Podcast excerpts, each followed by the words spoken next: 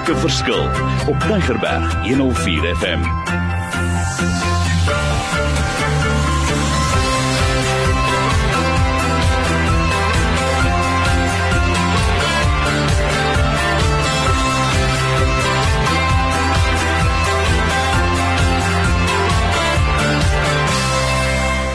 Wonderlik. Ons gesels oor leierskap. Why is it so important? How to develop it? How do you prepare a person for that?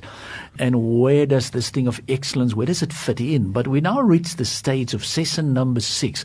As jy van die sessies gemis het, asseblief maak kontak, kry die inligting. Dit is op podcast. Maar ons het nog twee lekker sessies. In ons laaste sessie gaan ons gesels oor finishing well. But today we're going to talk about something else. Now let me explain to you. I know when you talk about leadership, you know, it's not about your IQ while I was at business school, we talk a lot about EQ, but you've got to have the right emotional intelligence. Then we also another discussion about what about your SQ, your spiritual intelligence. But then I ask my two special people, do you have something else? And they talk about a relationship. To me, it's like something that you can measure. It's very important. Where does this fit in with leadership? Why is it so important? How do we develop it? What is it all about? So uh, again, again, again, again, I'm going to ask Bruce. Start with us, Bruce. Where does this fit in? Tell us more about this.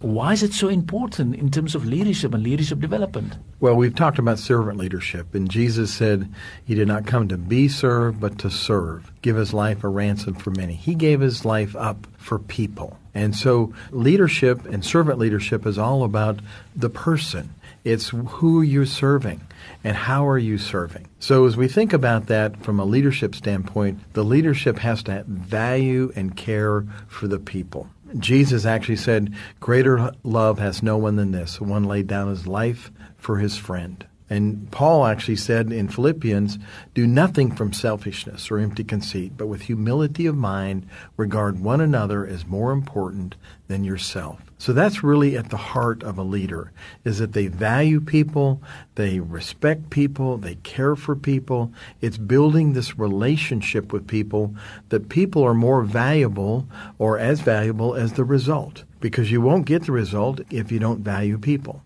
It starts in the home, it starts in loving your family and your wife, but then it moves outward. And so if I don't have that relationship with people and a love for other people, I'm going to be a gonging cymbal. It's just going to make a lot of noise without that love. So we're talking about a relationship. And I know it's important, but I'm going to again throw this question back to Leon. I said, Leon, we're living in a world, and you've heard what Bruce said. It's crucial, it's vital. We need to develop it. We need to start at home.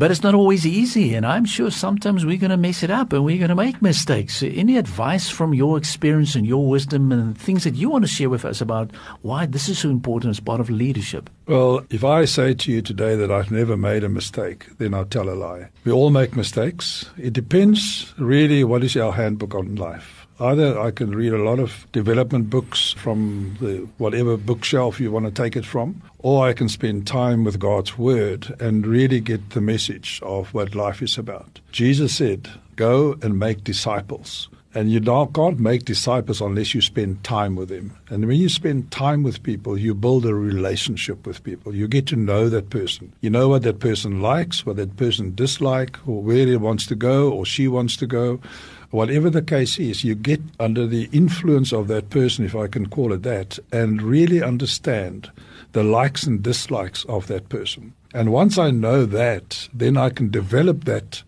in a relational way to find out more of the people, and that'll give me an idea of who that person really is.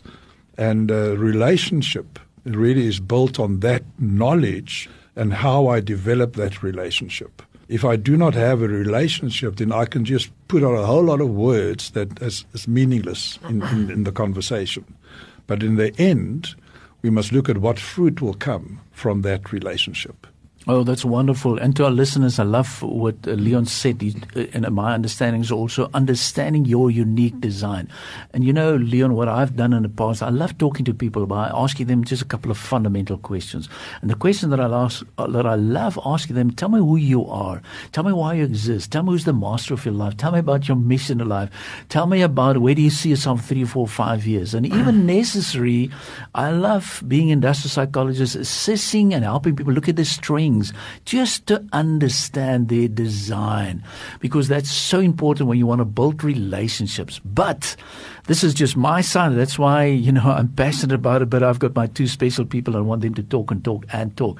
Bruce, what do you want to add on? Well, I want to pick up on what Leon said and your question about if I've messed up. Well, we are going to have difficulties. There's going to be struggles and challenges.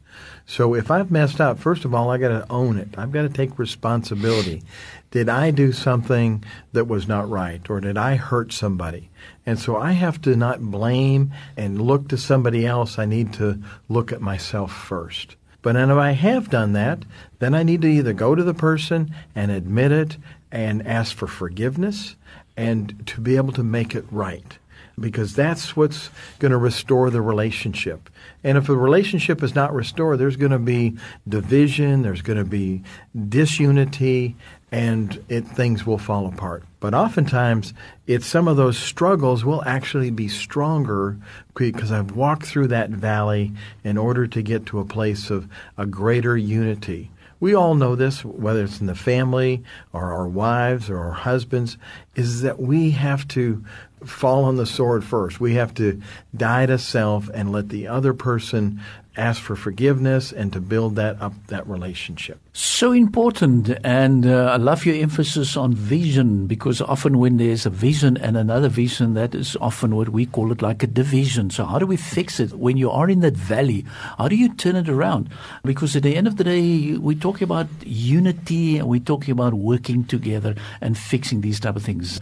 Leon, anything from your side on this very important topic about relationships and you know any advice that you have for us? Well, for me, I think simplicity is a, is a very good uh, thing to look at in a relationship. Just to keep it simple, just to keep it smart in the sense that you give all the detail that you can to the client and to try and satisfy the client's needs, but also look at the client as a whole. I haven't got a degree, a psychology degree or university degree. Oh, I've come through the College of Knowledge, which is the everyday business world. And uh, the experience that I have in that, I try to put that together to the best of my ability and to use that for God's honor at the end of the day, because I would want to honor Him first of all, and I want to honor my client secondly to give them the best that I can for the purposes that they called me in.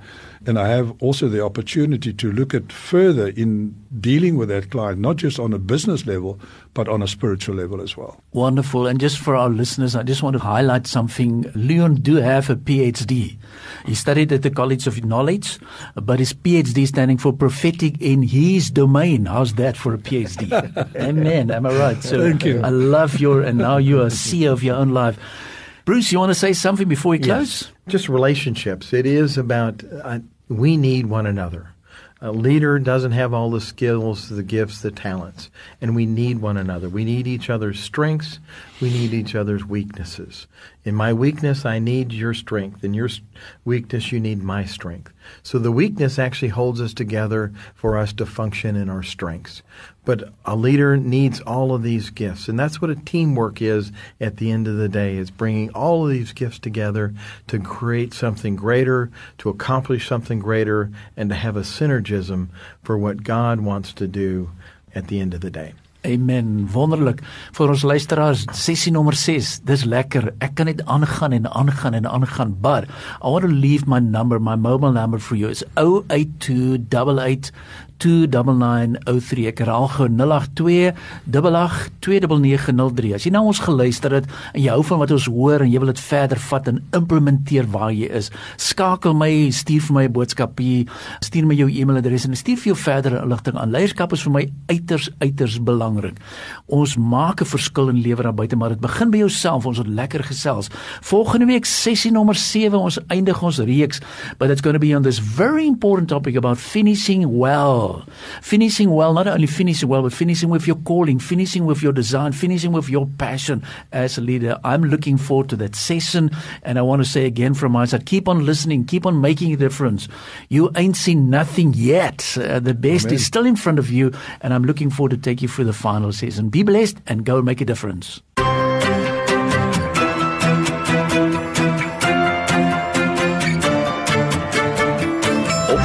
Van Maak 'n verskil is te kry op Potgooi via Tygerberg 104 FM se app of te wel toepassing.